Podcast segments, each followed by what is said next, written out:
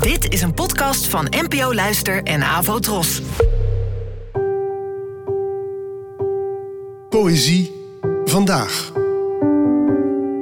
Met Ellen Dekwits.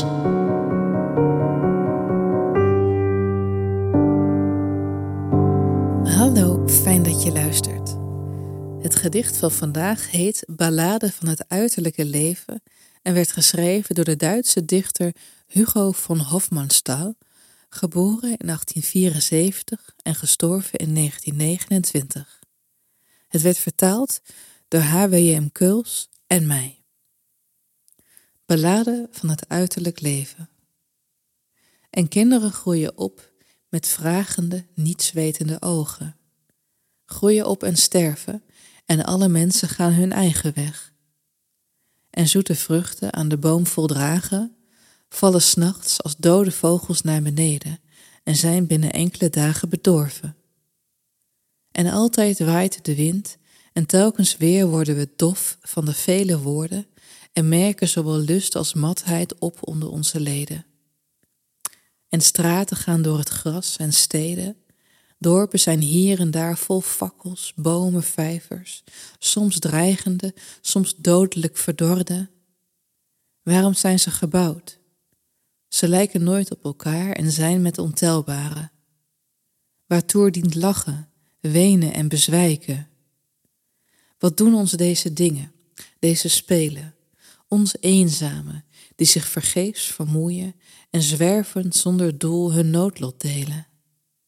Alles gezien te hebben, wat helpt het? En toch zegt hij al veel, die avond zegt, een woord, waaruit heimwee en treurnis vloeien, als zware honing uit de holle raten. Poëzie is voor sommigen vaak raadselachtig. Dat kunnen bepaalde mensen frustrerend vinden, maar je kan er ook anders naar kijken.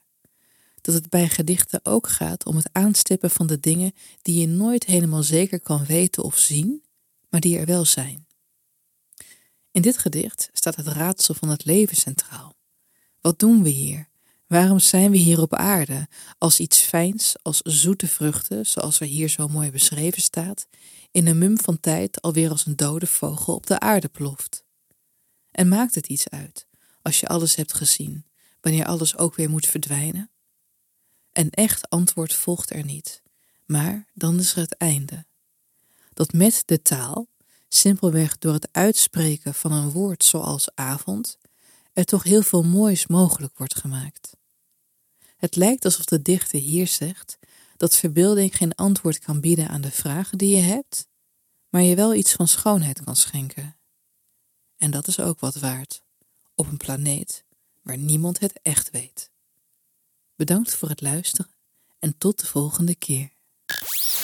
Abonneer je op deze podcast via de gratis app van NPO Luister. Daar vind je ook een handig overzicht van het complete podcastaanbod van de NPO. Afro Tros, de omroep voor ons.